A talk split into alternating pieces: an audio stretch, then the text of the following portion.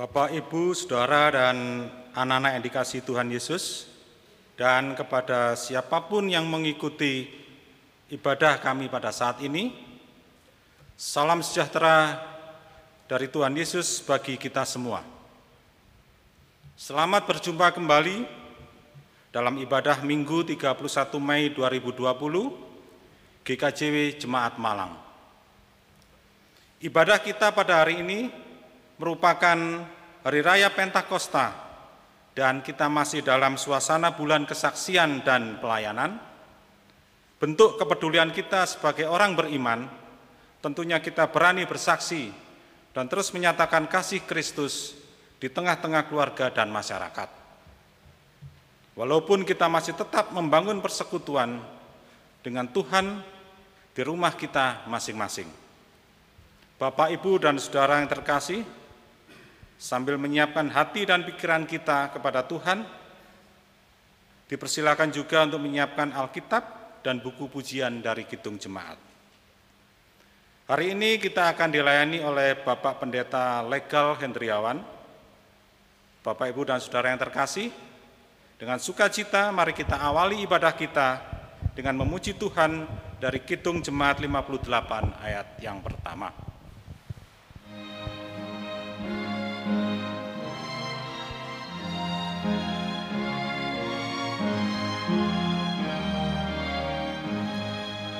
Maha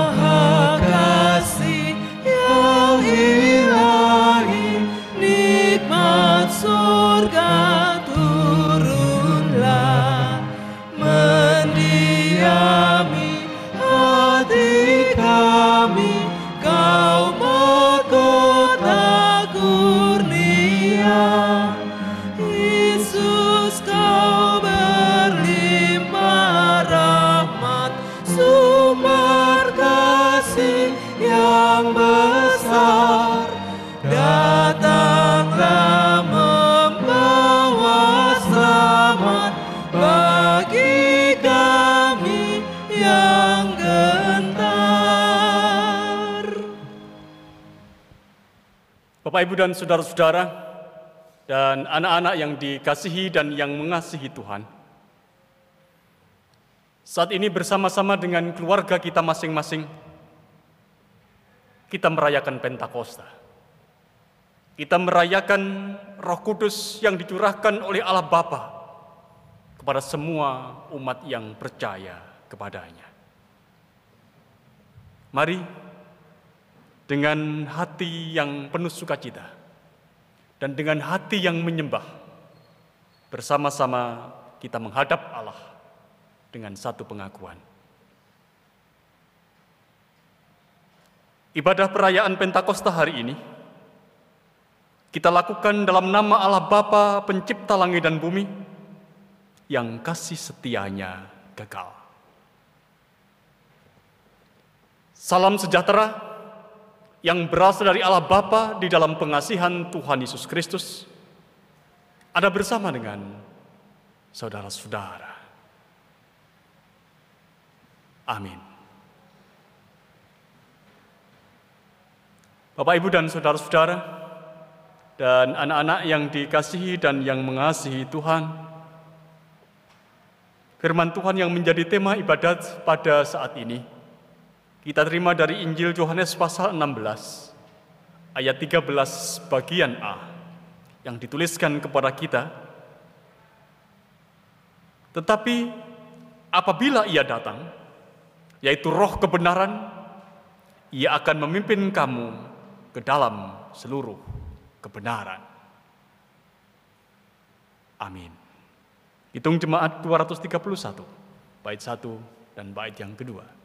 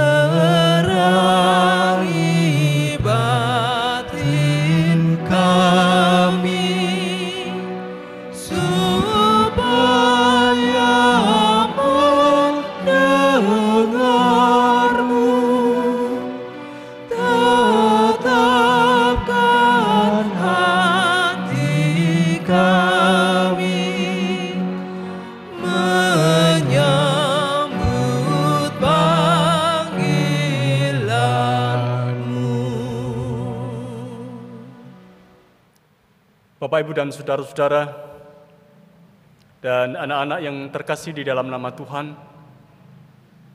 kita menyadari dalam hidup ini betapa sering kita melakukan apa yang berbeda dengan apa yang menjadi kehendak Tuhan. Banyak hal yang kita lakukan hanya menuruti apa yang menjadi keinginan pribadi kita, menuruti apa yang menjadi hasrat kedagingan kita, dan itu tidak sesuai dengan apa yang menjadi firman Tuhan. Dalam kesadaran itulah saudara-saudara, pada saat ini, mari bersama-sama kita mengakui akan keterbatasan hidup kita, ketidakmampuan kita untuk hidup seperti apa yang Tuhan kendaki di dalam doa. Mari bersama-sama kita berdoa mengakui dosa kita. Tuhan, kami sadari bahwa hidup kami sering jauh dari kuasa dan pengandalian Roh Kudus. Hidup kami lebih sering dikuasai dan dikendalikan oleh roh-roh duniawi. Roh takut, roh cemas, roh kebencian, roh dendam, yang semuanya mengarahkan hidup kami pada kerusakan. Hidup kami sering menyimpang dari apa yang kau tetapkan. Kami tersesat dalam kebisingan dunia yang kami hidupi. Hari ini, dalam keterbatasan kami, kami membawa ketidakberesan hidup kami ini kepada Tuhan. Mohon pengampunanmu ya Tuhan. Basuhlah dosa dan kesalahan kami. Baruilah hidup kami dalam kuasa roh kudus. Roh yang membawa kami hidup pada kebenaranmu. Demi Kristus kami berdoa. Amin. Bapak, Ibu, dan saudara-saudara yang dikasihi dan yang mengasihi Tuhan, siapa pun yang dengan jujur mengakui segala dosanya, pada saat Tuhan memberitakan kepada kita berita pengampunan. Sebagaimana tertulis dalam surat Rasul Paulus kepada jemaat di Roma pasal yang ke-10, ayat 12 dan ayat yang ke-13. Sebab tidak ada perbedaan di antara orang Yahudi dan orang Yunani. Karena Allah yang satu itu adalah Tuhan dari semua orang, kaya bagi semua orang yang berseru kepadanya. Sebab barang siapa berseru kepada nama Tuhan akan diselamatkan. Amin. Seiring dengan berita pengampunan ini saudara-saudara, Mari kita kembali angkat satu pujian untuk Tuhan, kita agungkan dia yang mengampun dosa kita dengan kita menyanyi dari Kidung Jemaat nomor 240A, bait yang pertama dan bait yang kedua.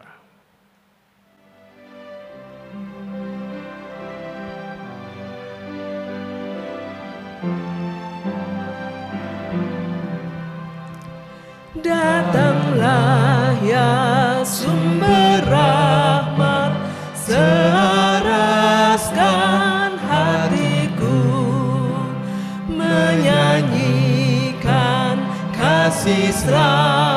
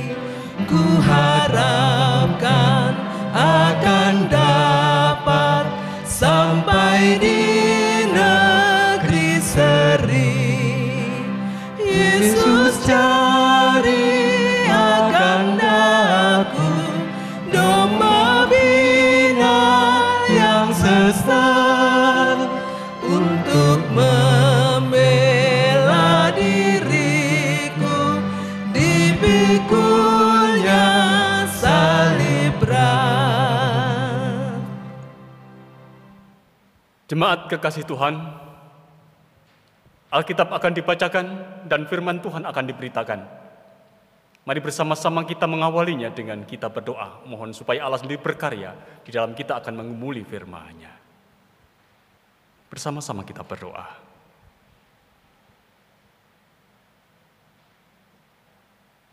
Bapa dalam sorga, dengan sukacita kami hari ini datang berhimpun di hadiratmu merayakan hari Pentakosta. Merayakan turunnya roh kudus yang menjadi tonggak berdirinya gereja Tuhan. Kiranya engkau ya Allah, yang hadir di tengah-tengah ibadah ini, berkenan menerima sujud sembah dan hormat kami. Berkenan mencurahkan rohmu di hati dan setiap hidup kami. Sehingga kami anak-anakmu, ya Allah, boleh merasakan kekuatan, boleh merasakan penghiburan, boleh merasakan pertolongan dan topanganmu yang nyata. Untuk itulah ya Tuhan, kiranya pada saat ini Kau berkenan menjamah setiap kami dengan kuasa firman-Mu. Dan biarlah firman-Mu ya Tuhan, yang akan hidup dalam hidup kami, yang akan mengalir dan membasahi kehidupan kami, kehidupan jiwa kami, dan keringan dan kehausan hidup kami akan firman itu. Kiranya roh kudus menjaga hati kami untuk terarah pada firman yang kau beritakan. Ya Allah, puaskan jiwa kami dengan firman-Mu. Demi Yesus, Sang Juru Selamat kami, firman yang hidup, kami berdoa. Amin. Jemaat yang dikasihi dan mengasihi Tuhan Yesus, dalam ibadah perayaan Pentakosta saat ini, firman Tuhan yang akan kita baca dan kita renungkan terambil dari kisah para rasul pasal 2 ayat 1 sampai dengan 13 yang demikian kesaksiannya. Ketika tiba hari Pentakosta, semua orang percaya berkumpul di satu tempat. Tiba-tiba turunlah dari langit suatu bunyi seperti tiupan angin keras yang memenuhi seluruh rumah di mana mereka duduk. Dan tampaklah kepada mereka lidah-lidah seperti nyala api yang bertebaran dan hinggap pada mereka masing-masing. Maka penulah mereka dengan roh kudus, lalu mereka mulai berkata-kata dalam bahasa-bahasa lain. Seperti yang diberikan oleh roh itu kepada mereka untuk mengatakannya. Waktu itu di Yerusalem diam orang-orang Yahudi yang saleh dari segala bangsa di bawah kolong langit. Ketika turun bunyi itu, berkerumunlah orang banyak. Mereka bingung karena mereka masing-masing mendengar rasul-rasul itu berkata-kata dalam bahasa mereka sendiri. Mereka semua tercengang-cengang dan heran, lalu berkata, "Bukankah mereka semua yang berkata-kata itu orang Galilea? Bagaimana mungkin kita masing-masing mendengar mereka berkata-kata dalam bahasa kita sendiri, yaitu bahasa yang kita pakai di negeri asal kita. Kita orang Partia, Media, Elam, penduduk Mesopotamia, Yudea, dan Kapadokia, Pontus dan Asia, Frigia dan Pamfilia, Mesir dan daerah-daerah Libya yang berdekatan dengan Kirene, pendatang-pendatang dari Roma.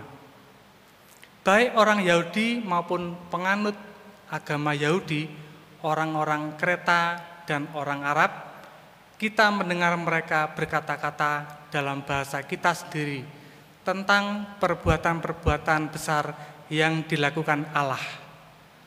Mereka semuanya tercengang-cengang dan mereka dan sangat termangu-mangu sambil berkata seorang kepada yang lain, "Apakah artinya ini?"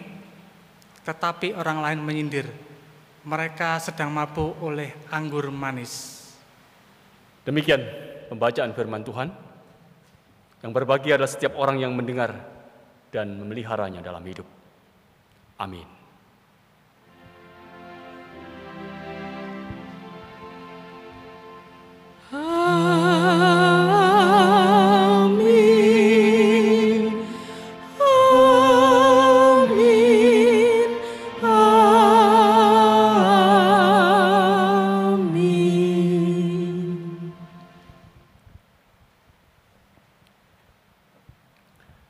Ibu, dan saudara-saudara, dan anak-anak yang dikasihi dan yang mengasihi Tuhan.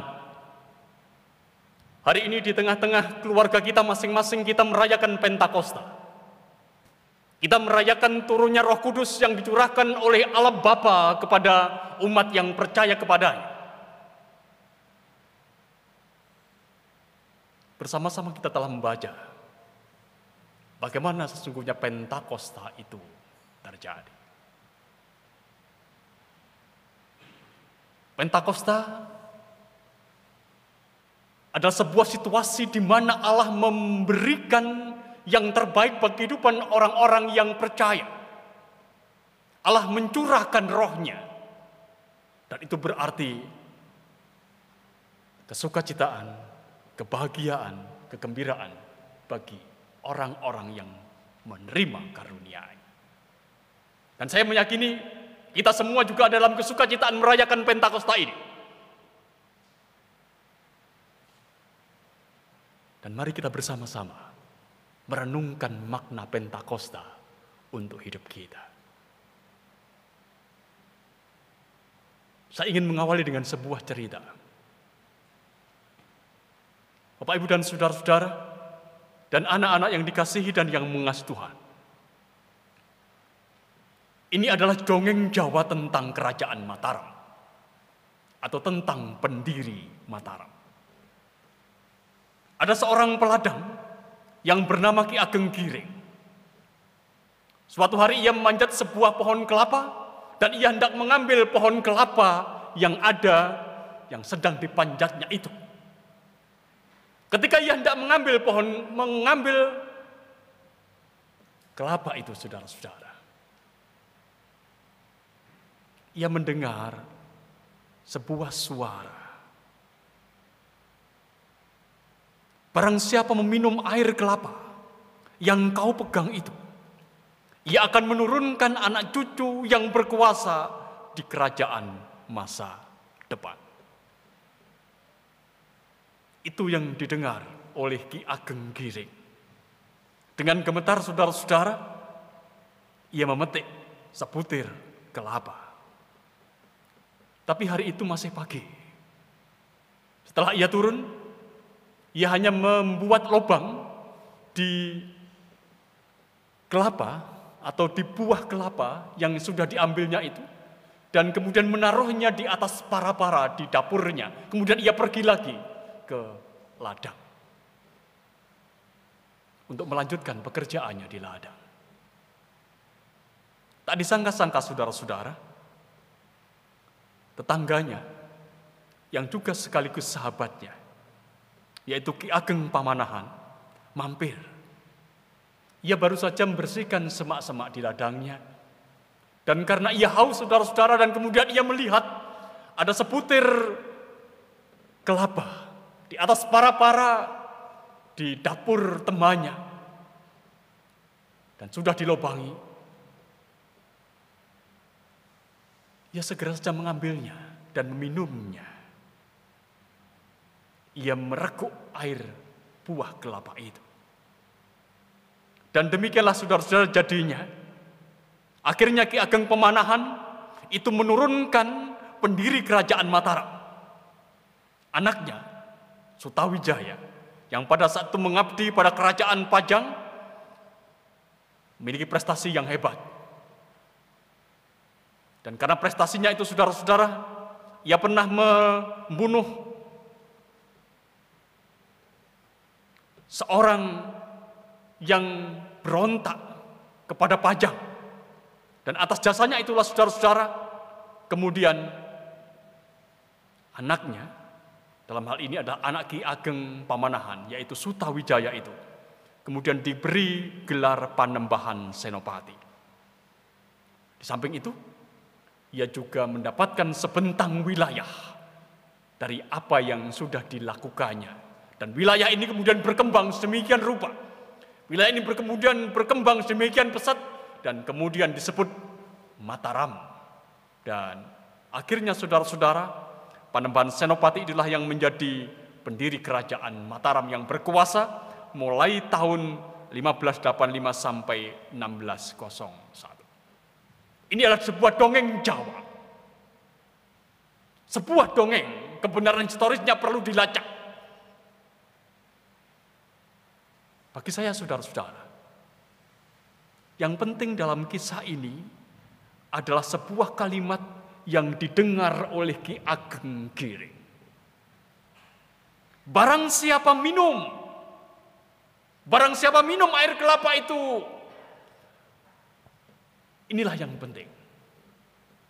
Barang siapa. Ini tidak menunjuk pada pribadi tertentu, tidak menunjuk pada nama tertentu, Ide yang ingin disampaikan kepada kita saudara-saudara dalam cerita ini yaitu bahwa kekuasaan itu sebenarnya adalah peruntungan yang terbuka. Kekuasaan itu adalah peruntungan yang terbuka. Tertutup kemungkinan untuk siapa pun juga boleh memegangnya. Dalam bahasa yang lain kita boleh mengatakan, kekuasaan itu adalah karunia yang terbuka Terbuka untuk siapa saja. Ki Ageng Giring boleh mendengar suara gaib. Siapa pun atau barang siapa yang minum air kelapa itu. Tetapi Ki Ageng Pemanahanlah yang mendapatkan karunia itu. Karena pada akhirnya Ki Ageng Pemanahanlah yang menurunkan raja-raja Jawa. Bapak Ibu dan saudara-saudara, dan anak-anak yang dikasihi dan yang mengasihi Tuhan. Saya menghayati bahwa peristiwa turunnya Roh Kudus yang terjadi pada Pentakosta 50 hari setelah kenaikan Tuhan Yesus ke sorga yang terjadi atas kehidupan orang-orang yang percaya. Ini juga adalah karunia yang terbuka. Inilah karunia yang terbuka seperti karunia yang diterima oleh Ki Ageng Pemanahan. Ia tidak mendengar suara. Barang siapa minum dari air kelapa itu. Tetapi ia mendapatkan karunia itu. Mari tidak saudara-saudara, kita memperhatikan ulang apa yang pernah terjadi pada saat Tuhan Yesus menjanjikan sang penghibur di dalam Injil Yohanes diberitakan kepada kita bahwa Tuhan Yesus menjanjikan sang penghibur. Di dalam Injil Lukas diberitakan bahwa Tuhan Yesus itu menyampaikan kepada murid-muridnya bahwa ia akan mengirimkan apa yang sudah dijanjikan oleh Bapaknya. Janji itu sudah ditujukan kepada murid-muridnya. Janji akan datangnya sang penghibur, janji akan datangnya apa yang diutus oleh sang Bapa itu dijanjikan oleh Tuhan Yesus kepada murid-muridnya, kepada 12 rasul itu. Mereka adalah orang-orang yang bersama dengan Tuhan Yesus melayani banyak orang. Tetapi saudara-saudara, pada saat Roh Kudus dicurahkan pada peristiwa Pentakosta, saudara-saudara, ia menjangkau lebih banyak orang. Bukan hanya 12 orang ini yang mendapatkan karunia. Roh Kudus dicurahkan atas mereka, bukan hanya mereka. Indikasinya jelas saudara-saudara kalau kita perhatikan dalam kisah para rasul pasal yang pertama ayat yang ke-15. Mari perhatikan. Kisah para rasul pasal 1 ayat yang ke-15 dikatakan begini. Pada hari-hari itu, berdirilah Petrus di tengah-tengah saudara-saudara yang sedang berkumpul itu. Kira-kira 120 orang banyaknya lalu berkata, 120 orang banyak. Ini indikasi orang yang berkumpul. Yang berkumpul di sebuah rumah di Yerusalem. Seperti diungkapkan di dalam pasal yang kedua yang menjadi bacaan kita. Ayat yang pertama, saudara-saudara. Ketika tiba hari Pentakosta, semua orang percaya berkumpul di satu tempat. Semua orang percaya berkumpul di satu tempat. Ayat yang kedua dan ayat yang ketiga, tiba-tiba turunlah dari langit suatu bunyi seperti tiupan angin keras yang memenuhi seluruh rumah di mana mereka duduk. Dan tampaklah kepada mereka lidah-lidah seperti nyala api yang bertebaran dan hinggap pada mereka masing-masing. Yang diungkapkan kepada kita saudara-saudara, Roh Kudus yang dicurahkan. Roh Kudus yang diberikan. Itu adalah karunia yang terbuka. Bukan hanya untuk mereka yang mendengar hanya 12 orang murid, bukan. Lebih dari itu. Kalau definitif kita boleh mengatakan ada 120 orang yang berkumpul. Yang pada itu ada bersama-sama dengan mereka di Yerusalem. Mereka inilah saudara-saudara yang menerima pencurahan Roh Kudus. Semua orang yang percaya, yang berkumpul di satu tempat, di sebuah rumah di Yerusalem, mereka lah yang menyaksikan bagaimana Roh Kudus dicurahkan. Mereka mendengar tiupan seperti tiupan suara angin keras. Mereka menyaksikan lidah-lidah seperti lidah-lidah api. Dan mereka mengalami bagaimana apa yang seperti lidah-lidah api itu kemudian turun hingga pada mereka masing-masing.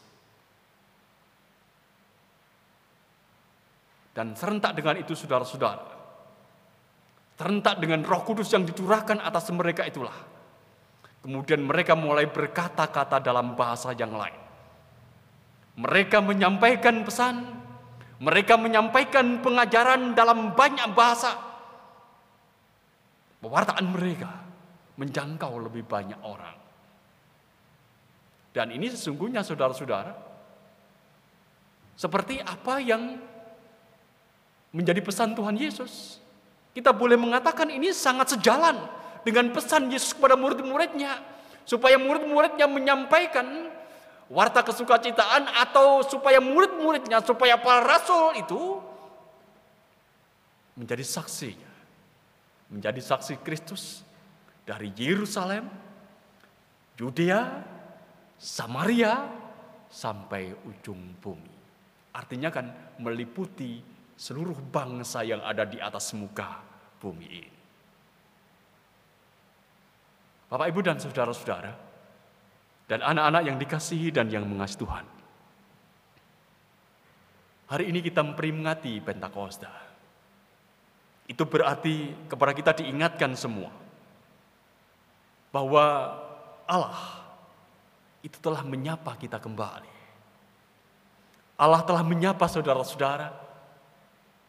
Allah menyapa kita semua. Allah menyapa umatnya dengan apa? Dengan memberikan rohnya. Ingat, roh kudus itu bukan sekedar kuasa Allah. Roh kudus itu bukan sekedar kuasa Allah.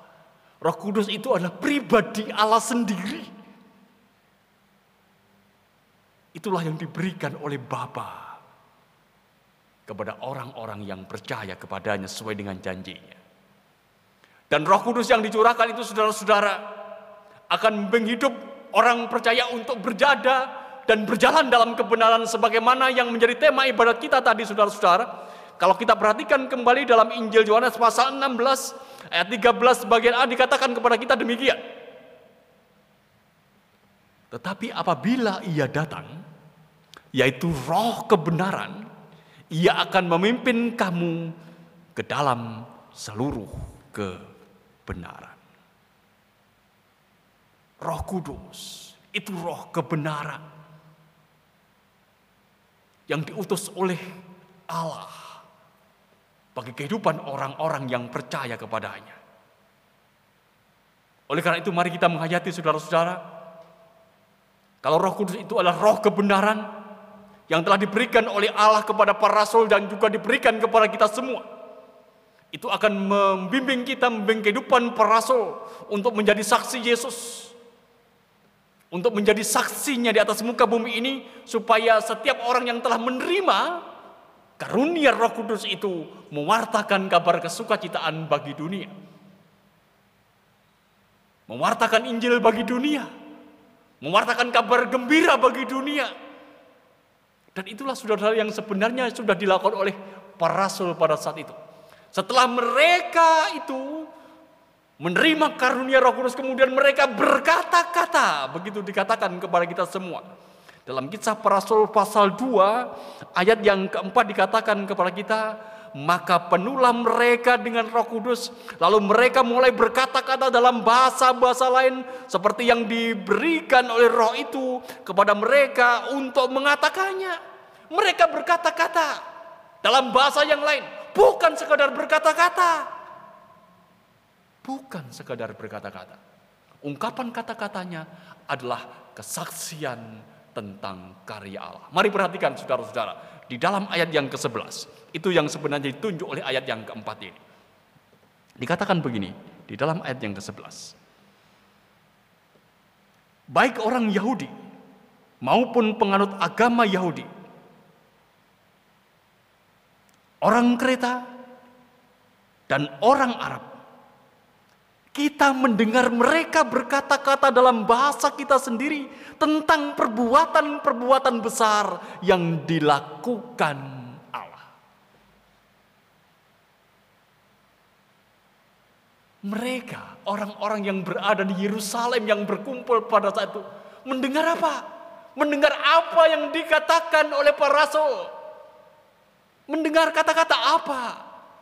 Mendengar tentang perbuatan-perbuatan besar yang dilakukan oleh Allah. Inilah saudara-saudara yang diungkapkan kepada kita. Para rasul setelah mereka menerima karunia Roh Kudus. Mereka menjadi saksi atas pewartaan kabar kesukacitaan bagi dunia itu. Mereka menyampaikan kepada banyak orang tentang perbuatan-perbuatan besar yang sudah dilakukan oleh Allah. Itu artinya bahwa mereka itu memberitakan apa yang dilakukan Allah mulai dari apa yang tentu dalam kitab kejadian sampai pada penyelamatan sampai pada kehidupan Israel. Semua karya besar Allah disampaikan kepada mereka. Nah sebenarnya saudara-saudara, ayat ini ingin menegaskan kepada kita bahwa Roh Kudus itu membimbing orang percaya untuk hidup fokus kepada Allah. Roh Kudus yang dicurahkan itu membimbing orang yang percaya untuk hidup dan fokus kepada Allah. Seperti yang dilakukan oleh para rasul pada saat itu. Fokus pada Allah, memberitakan apa yang menjadi karyanya bagi dunia. Mereka fokus pada Allah. Bukan pada ketenaran, bukan pada kemasuran, bukan pada kepentingan diri. Oleh karena itu, kalau pada saat ini kita bersama-sama merayakan Pentakosta, kita merayakan turunnya Roh Kudus atas hidup orang percaya atas kehidupan kita. Mari kita bertanya pada diri kita. Apa dan siapa yang menjadi fokus hidup kita? Apa dan siapa yang menjadi fokus hidup kita? Benarkah fokus hidup kita itu adalah Allah? Seperti yang menjadi fokus kehidupan para rasul pada saat itu. Bapak, Ibu, dan saudara-saudara, dan anak-anak yang dikasih dan yang mengasihi Tuhan. Selain itu, Pentakosta juga mengajak kepada orang-orang yang percaya untuk selalu sadar bahwa selalu ada tantangan. ketika kesaksian tentang Kristus itu disampaikan. Kalau kita baca di dalam pasal yang kedua ayat yang ke-12 dan ayat yang ke-13 dikatakan begini. Mereka semua tercengang-cengang dan sangat termangu-mangu sambil berkata seorang kepada yang lain, apakah artinya ini? Apakah artinya ini? Ayat 13. Tetapi yang lain menyindir, mereka sedang mabuk oleh anggur manis. Mereka sedang mabuk oleh anggur manis. Ini sebenarnya menunjukkan kepada kita ada dua tanggapan. Ada dua respon dari orang-orang yang mendengar apa yang di pemberitaan para rasul pada saat itu. Respon yang pertama kita boleh mengatakan adalah respon yang netral. Karena mereka tidak tahu apa yang sungguhnya terjadi, kemudian mereka bertanya, apa artinya semuanya ini? Apa yang sungguhnya terjadi? Aku belum paham, aku tidak mengerti. Tapi respon yang kedua, saudara-saudara, adalah respon yang seolah-olah dalam kutip begitu menghakimi. Seolah-olah mereka sudah tahu apa yang terjadi dan kemudian mengatakan dengan jelas mereka ini sedang mabuk oleh anggur manis. Mereka sedang menghakimi. Dua respon ini saudara-saudara sebenarnya menunjukkan kepada kita bahwa setelah Roh Kudus itu dicurahkan dan Roh Kudus itu kemudian membuat mereka berkata-kata menyampaikan kesaksian tentang karya besar Allah sejak, sejak itu pula tantangan sudah muncul. Tantangan sudah ada. Tantangan sudah di depan mereka. Dan kita menyadari Bapak Ibu dan saudara-saudara yang dikasih dan yang mengasihi Tuhan Tentulah para rasul pada saat sudah mengetahui waktunya bagi mereka sudah tiba. Saatnya bagi mereka sudah sampai. Inilah kesempatan bagi para rasul, kesempatan untuk mengambil peran Yesus bagi kehidupan mereka. Inilah waktunya bagi mereka, bagi para rasul untuk mengajar. Inilah waktunya bagi para rasul untuk menjawab. Menjawab apa? Menjawab semua ketidaktahuan dari mereka yang telah mendengar pewartaan dari para rasul. Selama ini kita tahu, para rasul itu hanya mendengar, hanya mengetahui, menyaksikan yang Yesus lakukan. Ia belum pernah menjadi guru, atau mereka belum pernah menjadi guru. Mereka hanyalah murid. Tapi ketika Tuhan Yesus naik ke sorga dan kemudian mencurahkan roh kudus atas mereka, pada saat itulah kemudian saudara-saudara mereka harus mengambil peran itu. Mereka yang harus menjadi guru atas kehidupan orang-orang yang tidak mengetahui apa yang sesungguhnya terjadi. Mereka yang harus mengambil peran yang konstruktif, yang positif untuk menjawab keraguan dan pertanyaan-pertanyaan yang betul setelah peristiwa Pentakosta itu bagi kehidupan mereka. Dan kita tahu dengan sangat jelas diungkapkan kepada kita mereka berani berhadapan dengan tantangan itu. Mereka menjawab tantangan itu. Kalau kita perhatikan di dalam pasal yang kedua, perikop selanjutnya ayat 14 dan ayat yang ke-15. Sejenak kita perhatikan. Maka bangkitlah Petrus berdiri dengan kesebelas rasul itu dan dengan suara nyaring ia berkata kepada mereka, "Hei kamu orang Yahudi dan kamu semua yang tinggal di Yerusalem, Ketahuilah dan camkanlah perkataanku ini. Orang-orang ini tidak mabuk seperti yang kamu sangka karena hari baru pukul sembilan dan seterusnya. Para rasul saudara-saudara melihat tantangan yang ada di depannya. Mereka bersatu hati. Mereka bersehati untuk menjawabnya.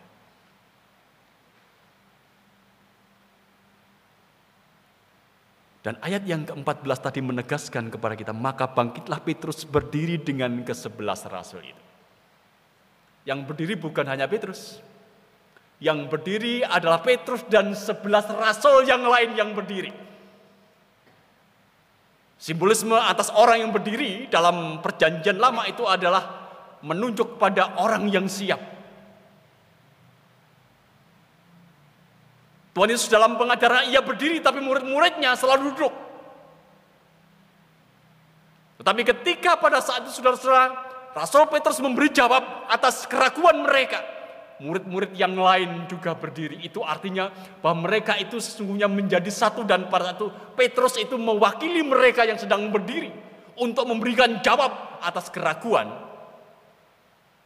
dari orang-orang yang pada saat itu mengatakan bahwa mereka sedang mabuk. Inilah saudara yang ingin dikatakan kepada kita. Bahwa mereka bersehati untuk menjawab tantangan itu dan mereka untuk pertama kalinya setelah peristiwa Pentakosta menunjukkan sikap hidup yang benar karena karya Roh Kudus yang dinyatakan kepada mereka. Bahwa kuasa roh kudus begitu nyata atas kehidupan mereka. Bahwa kuasa roh kudus itu memperlengkapi kehidupan para rasul untuk menjadi saksi yang siap. Saksi Kristus yang berkati orang lain, yang berkati kehidupan orang banyak, Dan endingnya jelas saudara-saudara. Bahwa dengan kesaksian mereka itu, akhirnya banyak orang yang bertanya. Mari perhatikan pasal yang kedua ayat 37 dan ayat 38 saudara-saudara. Setelah Petrus menyampaikan khotbahnya, ketika mereka mendengar hal itu, hati mereka sangat terharu. Lalu mereka bertanya kepada Petrus dan rasul-rasul lain, apakah yang harus kami perbuat saudara-saudara? Ya Petrus kepada mereka bertobatlah dan hendaklah kamu masing-masing memberi dirimu dibaptis dalam nama Yesus Kristus untuk pengampunan dosamu dan selanjutnya. Ini tujuan akhirnya dari kesaksian mereka. Ketika Petrus mewakili teman-temannya menjawab pergumulan, pertanyaan, keraguan dari orang-orang yang bertanyakan tentang karunia yang sudah mereka terima. Hasil akhirnya adalah banyak orang yang pada akhirnya tertarik kepada Yesus dan mereka menyerahkan diri untuk dibaptis. Bapak, Ibu dan saudara-saudara dan anak-anak yang dikasih dan yang mengasihi Tuhan, kepada kita Roh Kudus sudah dicurahkan. Ini adalah karunia yang terbuka. Karunia yang terbuka untuk setiap orang yang percaya kepada Allah di dalam Tuhan Yesus Kristus. Dan kita meyakini bahwa roh kudus itu curahkan kepada kita semua. Oleh karena itu saudara-saudara, mari, mari dalam hidup ini, kita belajar untuk hidup fokus kepada Allah. Fokus kepada Allah, bukan kepada yang lain. Mari dalam hidup ini kita juga belajar untuk senantiasa sadar bahwa roh kudus itu yang membimbing hidup kita dalam kebenaran. Supaya untuk selanjutnya kehidupan kita setelah kita merayakan Pentakosta ini, kita sungguh-sungguh boleh mewujudkan apa itu yang menjadi kebenaran Tuhan. Karena roh kudus adalah roh kebenaran sehingga apa yang akan kita katakan adalah apa yang kita benar, apa yang benar. Sehingga apa yang kita lakukan adalah apa yang benar. Sehingga apa yang kita pikirkan juga adalah apa yang benar. Dan biarkanlah ini juga akan mengundang dunia di sekitar kita untuk semakin mengenal Yesus sang penyelamat kita dan sang juru selamat kita. Amin. Kita mengambil saat teduh.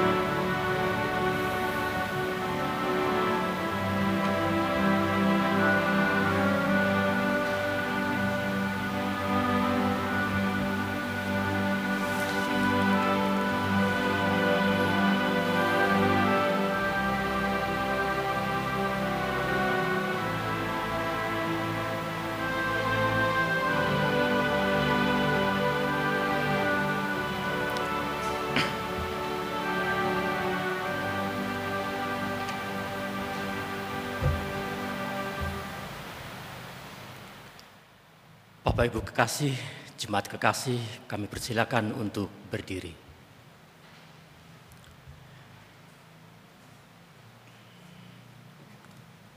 Bersama orang percaya di muka bumi, mari kita memperbaharui iman kita dengan mengikrarkan pengakuan iman rasuli. Aku percaya kepada Allah Bapa yang Maha Kuasa, Kalik langit dan bumi, dan kepada Yesus Kristus, anaknya yang tunggal Tuhan kita yang dikandung daripada Roh Kudus lahir dari anak darah Maria yang menderita sengsara di bawah pemerintahan Pontius Pilatus disalibkan mati dan dikuburkan turun ke dalam kerajaan maut. Pada hari yang ketiga bangkit pula dari antara orang mati naik surga duduk sebelah kanan Allah Bapa yang Maha Kuasa. Dan akan datang dari sana untuk menghakimi orang hidup dan yang mati. Aku percaya kepada Roh Kudus, gereja yang kudus dan am, persekutuan orang kudus, pengampunan dosa, kebangkitan daging, dan hidup yang kekal. Amin. Jemaat dipersilakan duduk. Jemaat kasih Tuhan kita akan mendengarkan satu pujian solo dari Bapak Yohanes Ananta dengan judul pujian Gusti Kakiatan Kawulo.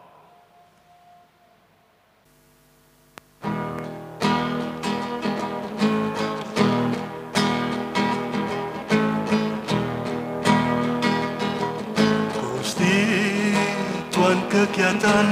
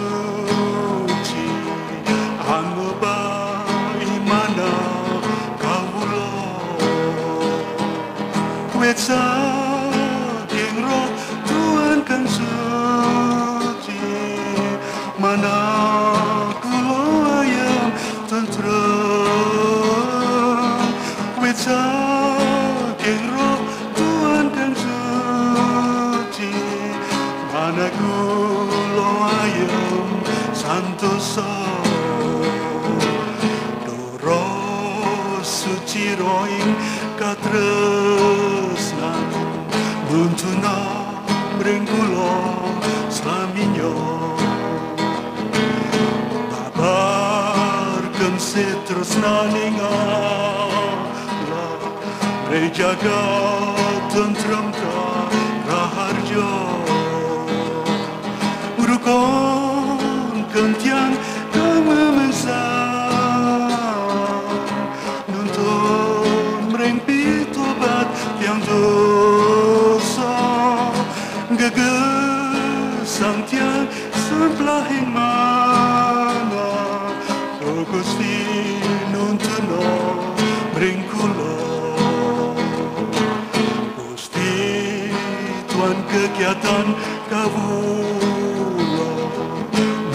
Oh.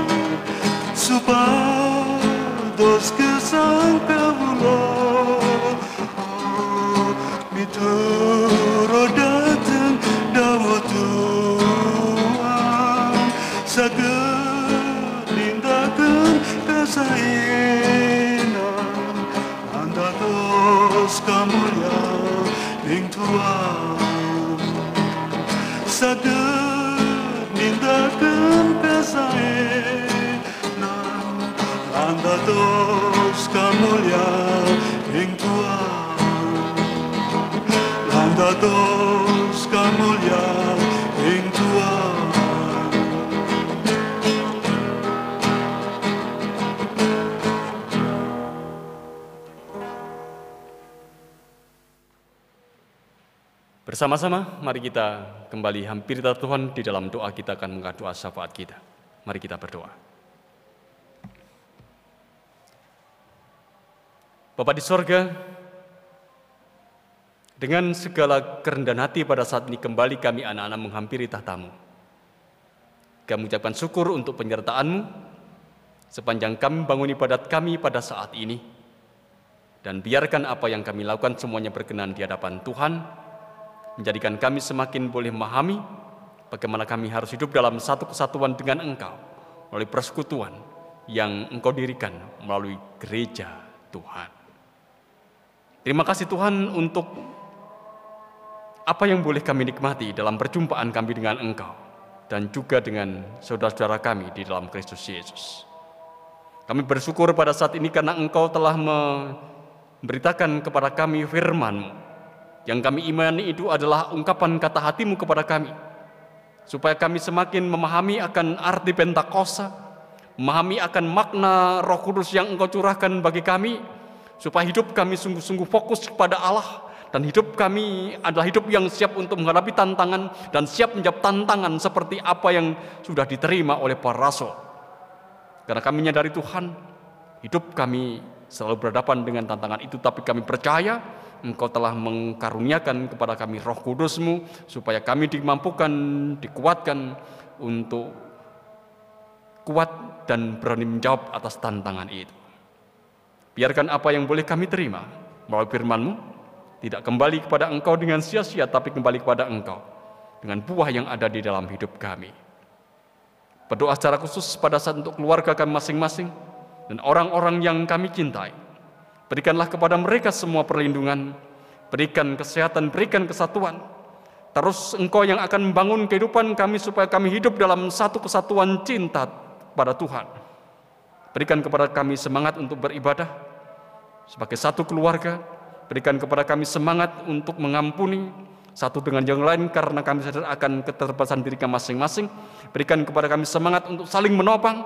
Kalau kami melihat kelemahan di antara kami, berikan kepada kami semangat untuk saling menghibur kalau kami melihat kepedihan dan kedukaan di antara kami. Karena sungguhnya engkau adalah Allah yang telah mengkaruniakan kepada kami roh kudusmu, supaya kami boleh melakukan semuanya itu demi kemuliaan nama Tuhan. Berdoa pula untuk setiap pergumulan yang kami hadapi.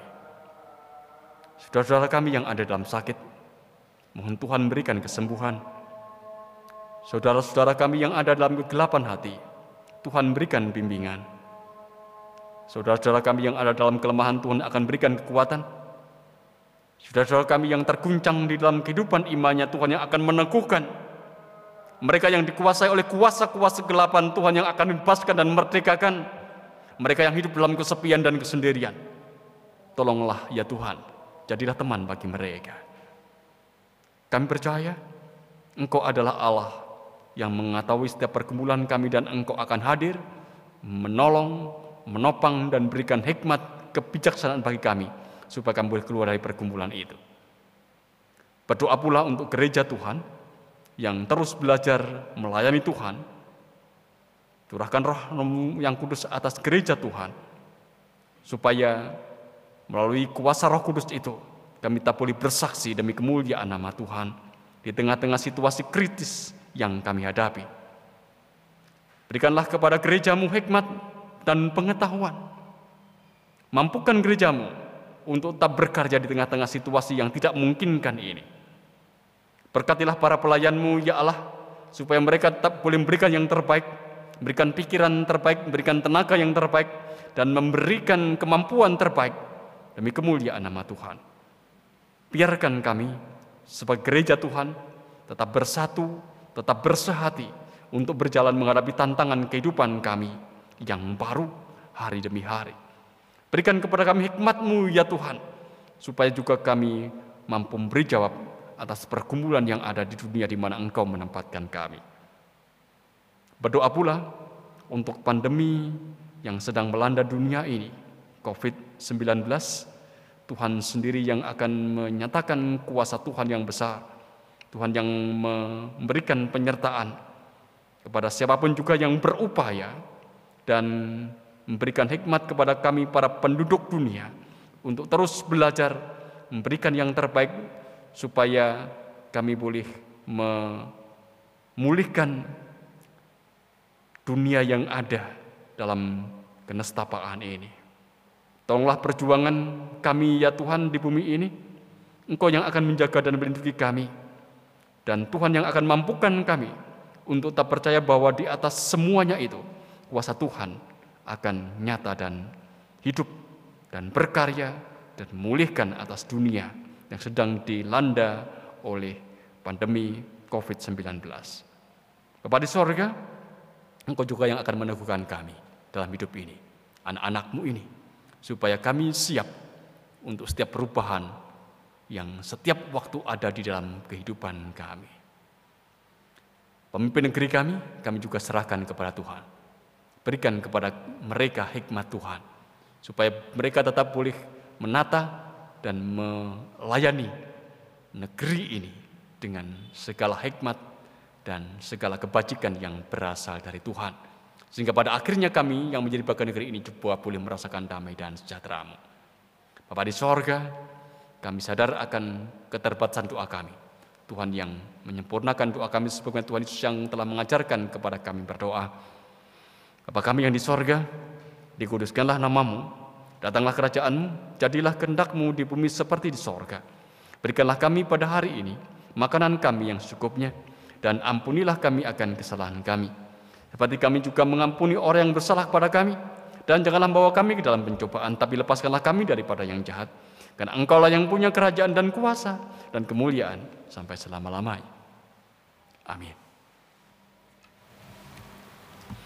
Bapak, Ibu, Saudara, dan anak-anak yang dikasih Tuhan, saatnya kita mengucap syukur kepada Tuhan atas segala berkat dan karunia yang selalu kita terima sampai hari ini. Seperti firman Tuhan dari Mazmur 107 ayat 21 sampai 22 yang demikian firman-Nya. Biarlah mereka bersyukur kepada Tuhan karena kasih setianya, karena perbuatan-perbuatannya yang ajaib terhadap anak-anak manusia. Biarlah mereka mempersembahkan korban syukur dan menceritakan pekerjaan-pekerjaannya dengan sorak-sorai.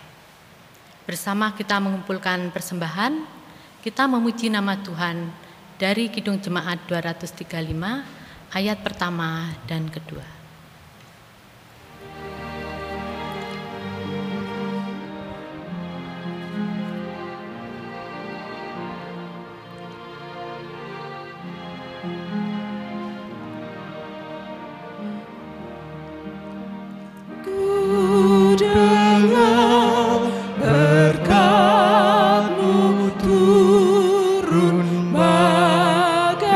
Bible.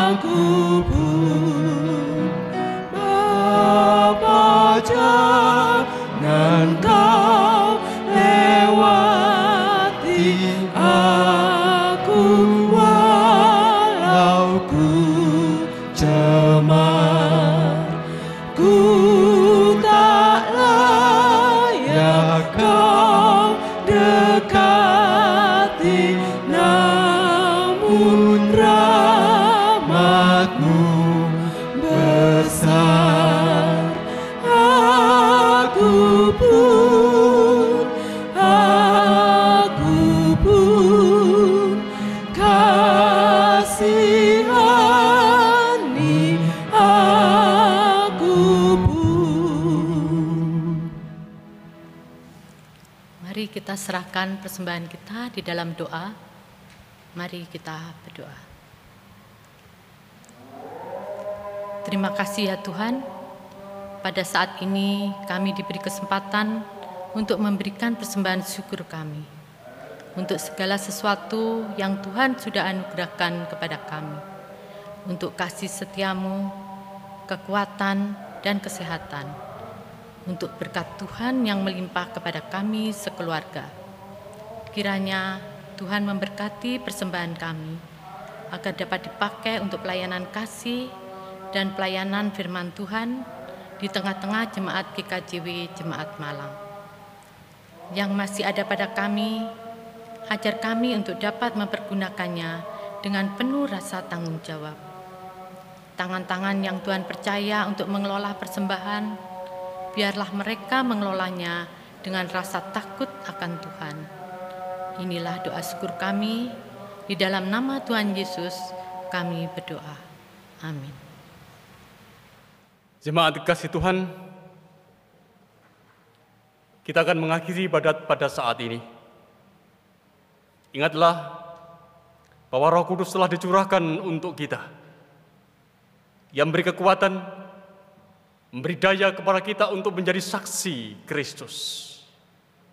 Mari kita hidup dengan fokus kepada Allah dan tak undur ketika kita berhadapan dengan tantangan ketika kita kita bersaksi dan mari kita berani menjawab, memberi jawab atas setiap pergumulan yang ada dalam kehidupan kita demi kemuliaan Kristus.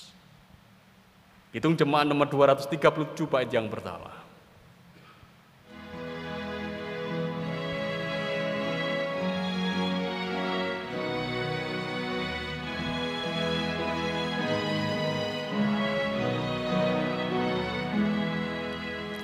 Roh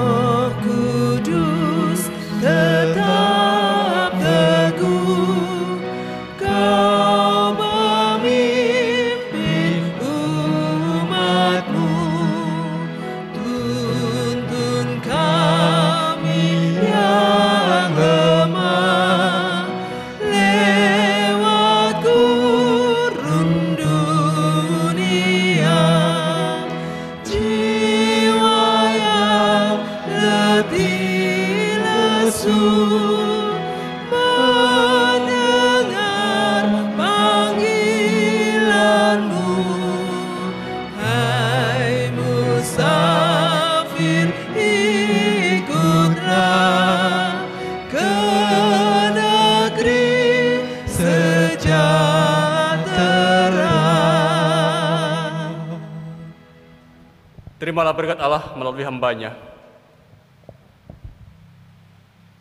Semoga Allah sumber pengharapan memenuhi engkau dengan segala sukacita dan damai sejahtera dan dalam iman, supaya oleh kekuatan roh kudus engkau berlimpah-limpah dalam pengharapan.